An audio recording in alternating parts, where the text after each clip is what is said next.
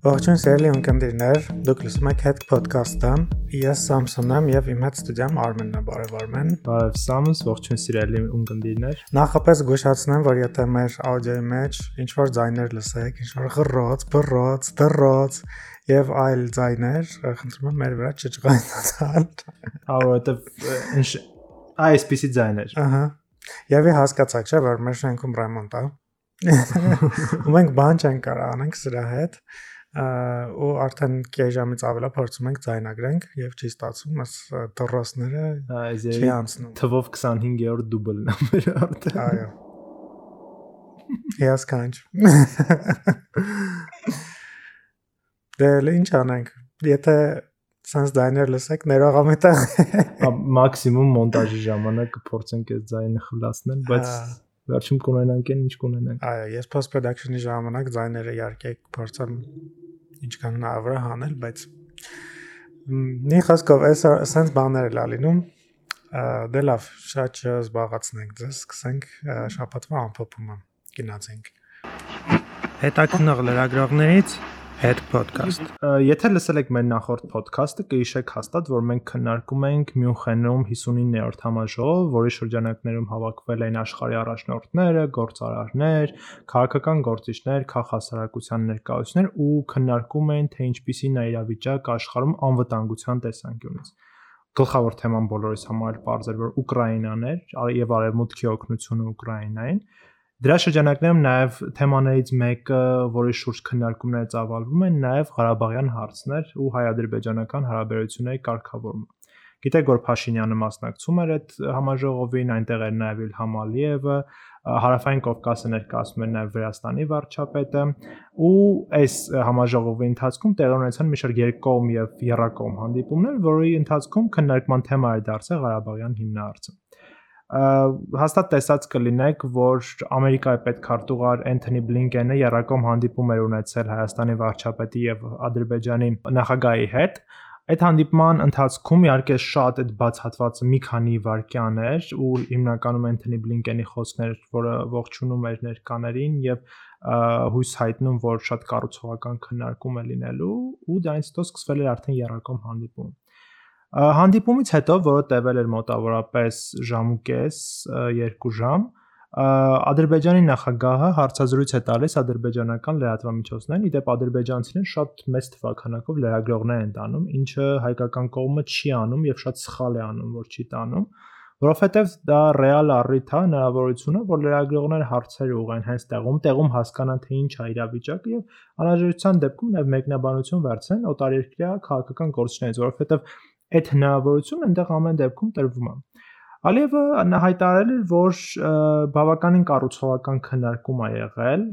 կողմերը քննարկել են մի շարք հարցեր, հատկապես հաղորդակցությունների ապաշրջափակումը եւ սահմանների դելիմիտացիայի հարցը ու հայտարարել էր, որ ինքը Բլինկենի մոտ, Բլինկենի ներկայությամբ Նիկոլ Փաշինյանին առաջարկել է, որ Հայաստանի եւ Ադրբեջանի սահմանին տեղակայվեն երկու երկրները տեղակայեն հսկիչ անցագրային կետեր Ընդ որում Ալիևն այստեղ շեշտադրումը դրել էր, որ հսկիչ անցագրային կետերը պետք է կառուցել ոչ միայն Լաչինի միջանցքի մոտ, այլ նաև այսպես կոչված Զանգեզուրի միջանցքի մոտ, որի այս Զանգեզուրի միջանց գերեվույթի մասին մենք մեր նախորդ թողարկումներում խոսել ենք եւ ձեզ խորհուրդ ենք տալիս անպայման գնալ հետ եւ լսել թե խոսքն ինչի մասին է։ Փաստացի ինչա ստացվում, Ալիևը ասում է, որ դե քանի որ պետքա դելիմիտացիա դեմարկացիա անենք, եկեք հսկիչ անցագրային կետեր էլ դնենք, փորձելով ինչ որ չափով նաև հասնել այն կետին, որ իրենց ուզած ձևով այդ դելիմիտացիան իրականացվի, այսինքն չգիտեմ, բերեն հայկական տարածքում իրենց անցակետերն, ասեն դե քանի որ այստեղ մեր անցակետն է, հետեւաբար սահմանել պետքա այս գծով անցնի։ Եվ ավելին փորձում են վերահսկողություն ունենալ Լաչինի միջանցքի վրա ու Հայաստանից Արցախ գնացող բեռների, մարդկանց, հա փորձեն հասկանալ ովքեր են այնտեղ գնում, ինչ են տանում, այն ինչը որ անում են ռուս խաղապահները, ադրբեջանցիները դրանով փորձում են այդ ամբողջ գործընթացը վերցնել իրեն ձեռք։ Եվ երրորդը, փորձում են նաև ինչ որ չափով անընդհատ օրակարգ բերել այդ իրանց այդ թեզը Զանգեզուրի միջանցքը, որի մասին որևէ փաստաթղթի մեջ որևէ հիշատակություն չկա։ Ալիևը ասել էր, որ այդ հանդիպման ժամանակ հայկական կողմը իրենց այս առաջարկի վերաբերյալ որևէ, ասես արձագանք չեն տվել։ Իրենք ասում են, որ հավանաբար ըստ Ալիևի, Ալիևը պնդում է, որ հավանաբար հայկական կողմը կողմին ժամանակ է անհրաժեշտ այս բոլոր քննարկումներն անելու համար եւ Նիկոլ Փաշինյանը որևէ դրական կամ բացասական պատասխան այդ հանդիպման ժամանակ չի տվել երակոմ բանակցություններից հետո մին ձևաչափ կար, որին ի սկզբանե հայկական կողմը նշում էր, որ չէր մասնակցելու, բայց ավելի ուշ, երբ որ օրակարգը հրապարակվեց եւ մասնակիցների ցանկը Փաշինյանի անունը այնտեղ կար խոսքը հարավային Կովկասում անվտանգության վերաբերյալ պանելային քննարկումներ ադրբեջանական Telegram ալիքներին սկզբից տարածում են որ այդ քննարկման մասնակցելու են միայն Ալիևը եւ Ղարիբաշվիլին ով Վրաստանի վարչապետն է բայց Նիկոլ Փաշինյանը եւս կար մի կողմ դնելով թե այնտեղ կողմերը իրենք ինչ են խոսում որովհետեւ շատերը գրեցին հետո որ Փաշինյանն էլի լավ չպատասխանեց Ալիևին ինչու իրականում ճշմարտություն կա որովհետեւ ոչ բոլոր Ալիևի թեզերը Փաշինյանը հերքեց այլ ավելի շատ ինքը ինչ որ նախապատրաստած տեքստ ուներ եւ դա էր ասում այդ քննարկման ժամանակ շատերն էլ հակառակն են ասում որ շատ լավ ելույթ է շատ հակասական հա շատ հակասական այդտեղ բաներ կան երկու կողմն իրականում ճիշտ են նայած համեմատելով եթե մենք համեմատենք երևի կհիշեք 20 թվականին երբ որ դեռ COVID-ը չէր ու Մյունխենյան համաժողովներ ու Ալիև Փաշինյան առաջին բաց դեբատն էր գնում այդ ավելի վատն էր քան սա բայց այն որ միանշանակ այստեղ շատ խոցելի թեզեր առաջ քաշվեցին ու Ալիևի կողմից հայտարարություն էր որոնց առնվազն պետք է Փաշինյանը արձագանքեր, նա չարձագանքեց, ինչը այդքան էլ լավ չի։ Իդեպ նույն բանի ընթացքում այդ պանելային քննարկման ժամանակ Ալիևը խոսեց նաև մի պայմանավորվածության շուրջ, որի մասին բավականաչես սկսել են շատ խոսել, Խոսքը Արցախի իշխանությունների հետ Բաքվի շփումների մասին է, այսինքն հայկական կողմի սա կողմից բավականին, այսպես ասած, առաջ մղվող մոտեցում է, որ Ստեփանակերտն ու Բաքուն ուղիղ բանակցությունների մեջ մտնեն։ Ալիևը հայտարարել, որ իրենք դեմ չեն իր ցիտում եմ իրեն Ղարաբաղի հայերի հետ կամ Ղարաբաղի հայ համայնքի հետ խոսելու, բայց առանց պետնախարար Ռուբեն Վարդանյանի իհարկե ինքը այդ ձևակերպումը չէր տալիս, այլ քրյա օլիգարխիկ տար, որին ուղարկել են այնտեղ, գիտեք Բաքուն պնդում է, որ Ռուբեն Վարդանյանը Ռուսաստանի դրածոն է Արցախում եւ նպատակ ունի տապալել այնտեղ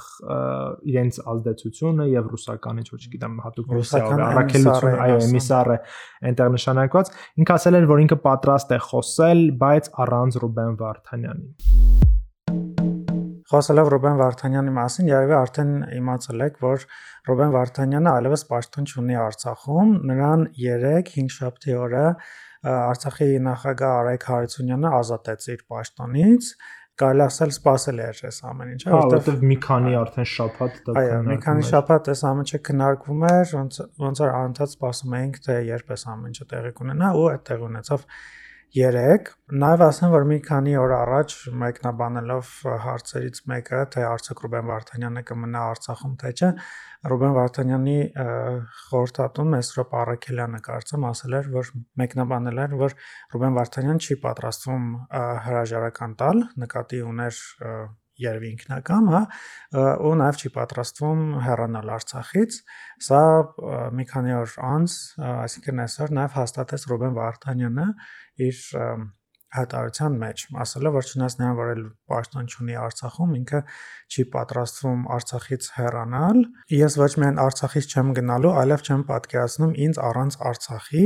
Սա ցիտում է Ռուբեն Վարդանյանի վերջի հայտարարությունը, որ նա արել է 3 երեկոյան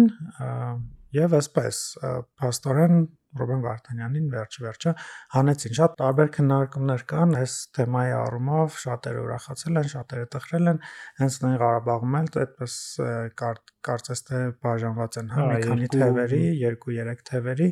այդ մի թևը պայմանական կարող ենք ասեն, հա, Ռոբեն Վարդանյանական թև, որ բնականաբար դժգոհ են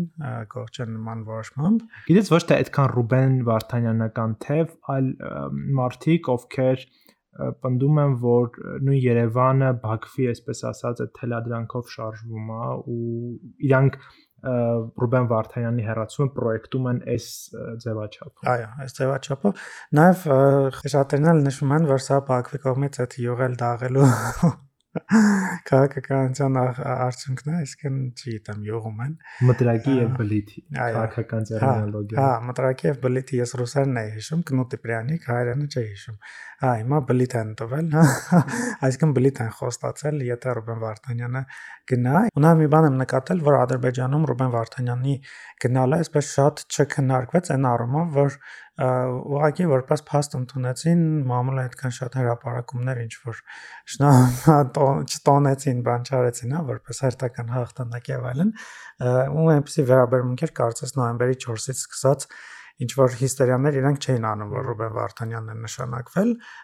ինչ որ հա, շատ տարօրինակ հանգիստ ձևով ընդունվեց այս ամեն ինչը։ Դե բնականաբար Լաչինի միջանցքը շարունակում է փակ մնալ, այնտեղ ակտիվիստները շարունակում են վիդեոներ հրապարակել, շարունակում են ինչ որ propaganda content ստեղծել այն առումով, որ իրենք այդ ամեն ինչ անում են բնության համար, հեքիաթներ եւ այլն, այս ամեն ինչը գիտեք, այդ ամեն ինչը ուզում եմ ասեմ շարունակվում է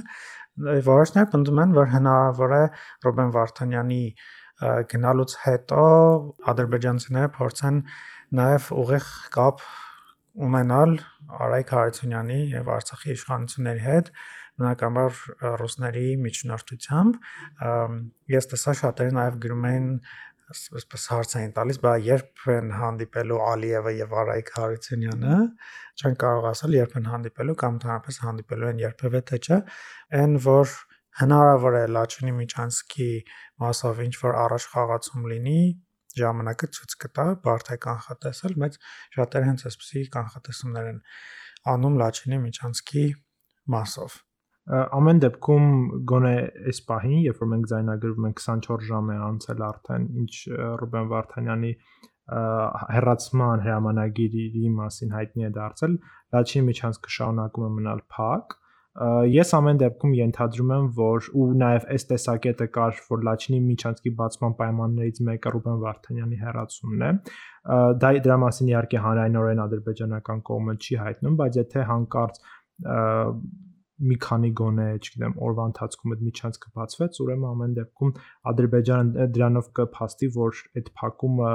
բացառապես քաղաքական էր, որևէ բնապահպանական աղերս չուներ ու դրանից էր կախված նաև այդ ճանապարհի հաջորդ գործում, բայց դա իհարկե մեզ չի ազատում, որ բացվելուց հետո հիմա էլ մեկ այլ պատճառով բնականաբար Ադրբեջանը կարող է դարձյալ փակել այդ միջանցքը։ Այո, համամիտ եմ, միգուցե ասենք, եթե նույնիսկ Ադրբեջանի իշխանությունները ասում են, որ Լաչինի Միչանսկի փակում, փակ, ну, ոչ թե ասում են կամ այդպես ենթադրվում է, հա, որ Լաչինի Միչանսկի փակումը կայծը տվեց Ռուբեն Վարդանյանի նշանակումը, բայց հիմա Ռուբեն Վարդանյանն հանել են եւ Լաչին Միչանսկը դեռ չի բացել, բացի դրանից էլ դա ոնց որ ոնց ասացիր, այդքան լեգիտիմ պատճառ չի, հա, ցանկացած բան, որ ադրբեջանական կողմին դուրս չգա, հիմա ինչ պիտի փակեն Լաչինի Միչանսկը, այդպես էլ չի լինում հիշում ես երևի հեղափոխությունից հետո ով ինչ խնդիր ուներ, ով ինչ հարց ուզում էր լուծել, ճանապարհ էր փակում, որովհետև ժամանակին այդ մեթոդը լավ աշխատել էր։ Հիմա էլ սա Ադրբեջանի համար փորձված մեթոդ է ու ինքը ցանկացած բանի սա կարակիր արի։ Այո, բնականաբար անտեսելով նոյեմբերի 9-ի հայտարարություն այն կետերը, այդ նոյեմբերի 9-ի հայտարարության կետերը կարծես բոլոր կողմերը ոտի տակ են գցում, ինչքան հնարավոր է խախտում են եւ ինչ ուզում անում են, բացի բացի հայկական կողմից դեռ տեսնենք ամեն դեպքում տեսնենք ինչ կլինի մենք շատ ու շատ հետևում ենք այս զարգացումներին Գիտեք, որ ամսի 20-ից Եվրամիությունը ծավալել է Հայաստանի տարածքում իր քաղաքացիական դիտորդական առաքելությունը, այն բաղկացած է 100 անձից, որից շուրջ 50-ը դրանք անձեն դիտորդներ են, մնացածը ժանդարմի ֆրանսիական եւ գերմանական ոստիկանության, այսպես ասած, ներկայացուցիչներ, ժանդարմերիայի ֆրանսիականի գոնե մասով ժանդարմերիայի ներկայացուցիչներ, նախքին թե գործող գործող գործող ներկայացուցիչներ, որովհետեւ իրանք ներկայացնում են այդ երկրի իշխանությունները, այսպես ասած, այս քաղաքացիական դիտորդական առաքելության թեման շատ այդքան ինչքան Հայաստանում չի քննարկվում, ինչքան սա թեման Ռուսաստանում է քննարկվում։ Ռուսները որևէ առիթ բաց չեն թողում ԱԳՆ-ի մակարդակ մակարդակով, չգիտեմ, խոսնակ, Խզախարովա, փոխնախարար, անգամ նախարար մակարդակով այս դիտորդական առաքելության թեման քննարկելու, որովհետև իրանք պնդում են, որ սրանով Եվրամիությունը իս նրանց ազդեցության տակ նաև Հայաստանը փորձում են տարածաշրջանից իրենց դուրս մղել իհարկե հայկական կողմը հերքում ասա, ասում է, որ մենք եվրոպացի դիտորդներ հրավիրել ենք, որովհետև հապկը, որը պատասխանատու է մեր անվտանգության համար, որևէ գործուն քայլ չձեռնարկեց դա ապահովելու համար, որովհետև Ադրբեջանը առնվազն 21 թվականի մայիս ամսից ներխուժել է հայկական տարածքներ եւ դուրս չի գալի Հայաստանի Հանրապետության գոնե մասով, եւ դրա համար մենք հրավիրել ենք եվրոպացի այս դիտորդներին Իրանց կենտրոնը լինելու է Վայոց ձորում, Եղեգնաձոր քաղաքում, ինքը հարմար է բավականին նույն լոգիստիկ առումով, թե Գեղարքունիքի մարզ, թե դեպի Սյունիքի մարզ, որովհետև այս երեք մարզերի տարածքներում են այդ դիտորդները իրանք տեղակայվելու եւ իրանց գլխավոր նպատակը Բրյուսելի համար բարբերաբար զեկույցների պատրաստումն է, տեղում հողի վրա հասկանալու թե ինչ իրավիճակ է ու դրա մասին նաև արդեն Եվրոպական միությանը զեկուցելն է։ Twitter-ում Հոլանդիայի դեսպանը այդ բացումից նկարներ էր գցել ու շատ խնդալու նկարներ են։ Մի հատ նկար կար, որ երկու հոգի սենց այդ բացման լենտը, որ կարմիր գույնի փոխան կապույտ գույնի լենտ էին ընտրել եւ երկու տղամարդ սենց կանգնած այդ լենտն էին պահել, որ գային կտրային այդ լենտը։ Եկան կտրեցին մտան Հա, իսկապես չնայած նա որ Ռուսաստանը պնդում է, որ սա հակառուսական քայլ է, համարյա թե միած բանը կապում է այս դիտորդների տեղակայումը ՆԱՏՕ-ի էքսպանսիայի հետ, ասենք, նույնիսկ այդն ասել էլի, սա ընդհանրապես հակառուսական քայլ չէ, այլ Հայաստան փորձում է օգտագործել ցանկացած միջոցներ, ցանկացած ինչ որ մեթոդներ կիրառել, որովհետեւ ինչ որ ձև կանխի Ադրբեջանի հերթական հնարավոր հարցակումը, այո, ու շատ տարօրինակ է, այսինքն տարօրինակ չի նաև հասկանալի է, որ Ադրբեջանի եւ Ռուսաստանի դիրքորոշումները լրիվ սինխրոնիզացված են այս առումով Ադրբեջանը շատ խիստ դժգոհ է, որ այս դիտորդները տեղակայվել են Հայաստանում։ Մի քիչ խոսենք նաև ներքին զարգացումներից։ Չարեքշաբթի օրը տնտեսական հարցերի մշտական հանձնաժողովի նիստներ եւ այդ նիստին հրավիրված էր էկոնոմիկայի նախարար Վահան Քերոբյանը եւ իրեն հարց են տալիս ու այդ պատասխանում է այդ հարցին եւ տնտեսական ցուցանիշների մասին հարցեր եւ ասում է որ կառավարությունը այսօր Լիդիան ընկերության հետ այսինքն այդ օրը Լիդիան ընկերության հետ 250 միլիոն դոլար արժեքով փաթեթ է ստորագրելու եւ ըստ նախարարի ամուսարը շուտով կշահագործվի այս լուրը ոնց որ առաջին անգամ իմացանք այդ ԱԺ-ում տնտեսական հարցերի մշտական հանձնաժողովի լայվից հետո մի քանի ժամ անց հենց ժամը 5-ին ողջվեց որ իրոք այս լուրերը ճիշտ էին, Վահան Քերոբյանը ճիշտ էր ասում եւ ժամը 5-ին ստորագրեցին համաձայնագիր Հայաստանի Հանրապետությունը 250 միլիոն դոլարանոց փաստաթղթերի փաթեթ ստորագրեց Լիդիան Արմենիայի Եվրասիական զարգացման բանկի հետ միասին։ Սա նշանակում է, որ կառավարությունը ցանկություն ունի շահագործել Ամուրսարի հանքը։ Ամուրսարի հանքի թեմայով մենք շատ-շատ ենք գրել, գիտեք, շատ մեծ պայքար կա, շատ մեծ ռիսկեր կա։ Կառավարությունը պատվիրել էր գնահատում, բայց գնահատումը ասել էր, որ հնարավոր չի ներկայացված տվյալներով վերջնական պատասխան տալ, թե բնապահպանական առումով որքան ազդեցություն կունենա, հարուցված էր քրեական գործ, այդ քրեական գործը հակվեց, դրանց հետո այդ գնահատականի վրա, որ լիքը գումար էր ծախսել կառավարությունը, կարելի ասել ոչ որևէ քայլեր չձեռնարկվեցին։ Հիմա մոտավորապես մի տարի անց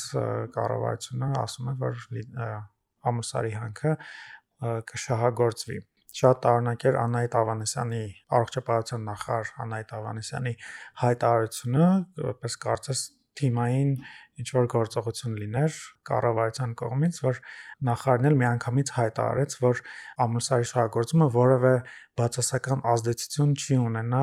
բնակչության առողջություն առողջության վրա, այսինքն առողջապահությունը կարելի ասել վտանգված չի, թե որտեղից անայտ Ավանեսյանն այդ տվյալները եւ հիմնվելով ինչ տվյալների հետազոտությունների վրա է նա սպնդում արել, པարզ չի Եվ այսպես մենք նաև հետքում ունենք հոդված մեր լրագրողներից մեկն է գրել նրա մասին թե ովքեր են իրական շահառուները Լիդիանի եւ այս մյուս ընկերությունների, նաև ասեմ, որ կառավարությունը ըստ Վահան Քերոպյանի կունենա 12.5% մասնաբաժին այս ընկերության մեջ։ Բնականաբար այս թեման ահագին շատ քննարկվեց այս շաբաթ, դեռ բնապահպանները, այսպես կարելի ասել, շատ միասնական ձևով ինչ որ հայտարարություններ չեն արել սոցիալական մեդիաներում հիմնականում տեսել եմ այդպես առանձին տարբեր բնապահպանների եւ մարդկանց ովքեր որ մտահոգված են շրջակա միջավայրի պահպանմամբ իրենք են արտահայտվել բնականաբար այլ մարդիկ են արտահայտվել սովորական քաղաքացիներ կարծում եմ ամուսարի վերաբերյալ կարելի ասել ամուսարը այն թեմաներից մեկն է որ Հայաստանում շատերը տեղյակ են այս թեմային եւ նաև շատ մեծ ռիսկերի մասին է, հա, խոսքը, եթե ամուսարը շահգործվի, կարող ենք ասել, որ ջերմուկը որպես առողջան կարող է փակվել, հա, այդ քաղաքը եւ ջերմուկի առողջանները կարող են այլևս մի 20 տարուց գոյություն չունենալ։ Քերապյանի ասելով ամուսարի շահագործումը մոտ 1% հնայի աճ կապահովի Տեսնենք, մենք շատ ակտիվ կհետևենք, անձամբ ես էլ ակտիվ կհետևեմ ամուսարի թեմաները, որտեղ միշտ լուսաբանել եմ եւ շարունակեք լսել մեզ, մենք անպայման այս թեմաներից կխոսենք։ Եվ մեր այս թողարկման վերջին լուրը, որը մի քիչ դրական է, այսպես ասած, նոտայով ավարտենք, գիտեք, միջազգային դատարաններում Հայաստանն ու Ադրբեջանն իրար տարբեր հարցերով բոլորի իհարկե հիմքում ռասայական խտրականության թեման դատի են տվել եւ այս անգամ Հաագայի դատարանն է հրապարակել հերթական միջանկյալ միջոցի կիրառման մասին որոշումը Հայաստանը դիմել էր, երբ որ դեկտեմբերին ադրբեջանցիները փակել են Լաչինի միջանցքը, Հայաստանի Հանրապետությունը դիմել էր Հագայի միջազգային դատարան, պահանջելով, որպեսզի դատարանը պարտավորեցնի Ադրբեջանին բացելու Լաչինի միջանցքը։ Իր հերթին ադրբեջանական կողմն էլ դիմել էր, պնդելով, որ հայկական կողմը միջանցքն օգտագործում է ականների տեղափոխման համար, որ հետո ականապատի եւ դրանով ճանապարհն ու դրանով վնաս հասցնի ադրբեջանական կողմին։ Եվ այսպես երկու օր առաջ դատարանը 4-շաբթի օրը դատարանը հրապարակեց վճիրը իր որոշումը միջանկյալ միջոցի կիրառման վերաբերյալ այս վճիրները որոնք քաղաքական կամ մի եդերապարակում են դրանք բոլորը մեկ գործի այսպես ասած տարբեր փուլեր են էլ իրանք իրենց ներկայացնում ու պարտավորեցրեց ամբողջությամբ Ադրբեջանին ձեռնարկել բոլոր հնարավոր քայլերը բացելու Լաչինի միջանցքը Այլ կերպ ասած, ինքը պարտավորեցրեց Ադրբեջանին, որպեսզի դու պարտավոր ես ապահովել այնտեղ անվտանգ երթևեկություն ու անխախտ երթևեկությունը փոխարենը Հագայի դատանը մերժեց ադրբեջանական կողմի այդ դիմումը, որ ինքը ներկայացրել Հայաստանին եւ ընդ որում այդ որոշումը հրապարակվում էր հայկական կողմի որոշումից անմիջապես հետո։ Հագայի դատանի վճիռը պարտադիր կատարման ինքը այսպես ասած կոմպո պահանջ ունի, այսինքն Ադրբեջանը պարտավոր է դա իրականացնել։ Մինչև այս Ադրբեջանը միայն մեկնաբանություններով է հանդես գալի, ասելով որ դա տան շատ կողմնակալ որոշում է կայացել Հայաստանի օգտին, բայց ամեն դեպքում այս որոշումը պարտադիր կատարման ենթակա է։ Նաև ասենք, որ օրինակ անդամներից մեկը, օրինակ Ֆրանսիան կարող է այս որոշումը չկատարելու դեպքում սանկցիաներ կիրառել Ադրբեջանի նկատմամբ հա, բայց բայց գոնե տեսանելի ապագա մի քիչ շատ ան Սա տեսականորեն հա, ենք ասում, այո։ Այս շաբաթվա ամփոփումը այսքաններ։ Եվս մեկ անգամ շնորհակալ ենք, որ լսեցիք մեզ։ Խնդրում ենք տարածեք Facebook-ում, Twitter-ում, Instagram-ում, չգիտեմ որտեղ կաք սոցիալական մեդիաներում, ասեք ձեր ընկերներին, գոլեգաներին, բարեկամներին։ Մենք կանք նաև Facebook-ում խումբ ունենք հայատար կամ լատինատար որանեք հետ podcast եւ կարող եք մեզ լսել podcast լսելու բոլոր հավելվածներում կվերադառնանք արդեն հաջորդ շաբաթ նոր ու հետաքրքիր նորություններով։ Գրեք նաև մեզ ձեր առաջարկներ, մենք անպայման դրանք հաշվի կառնենք։ Այսքանը թերևս այս շաբաթ հաջողություն։